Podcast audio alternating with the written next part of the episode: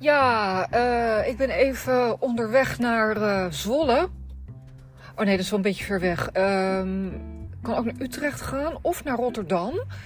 En daar ga ik uh, troost zoeken bij de, nou, respectievelijk Zwolse, Utrechtse en Rotterdamse halfstok hangende. Nee, de halfstok hangende de respectievelijk halfstok hangende Zwolse of Utrechtse of Rotterdamse vlag.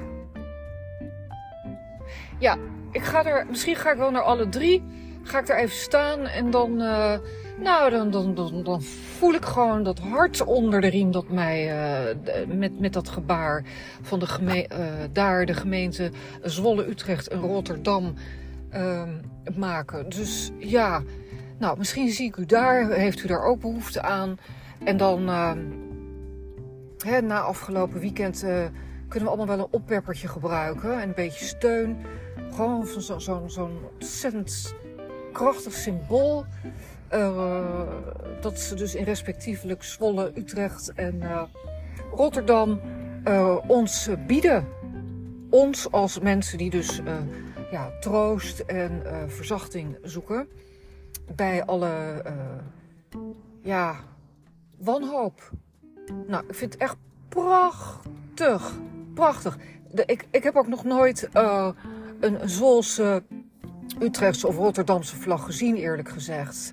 Dus ik, uh, nou, het is gewoon twee vliegen in één klap. Of drie. Win, win, win, win, win. Nou, ik ga. Ik ga rijden.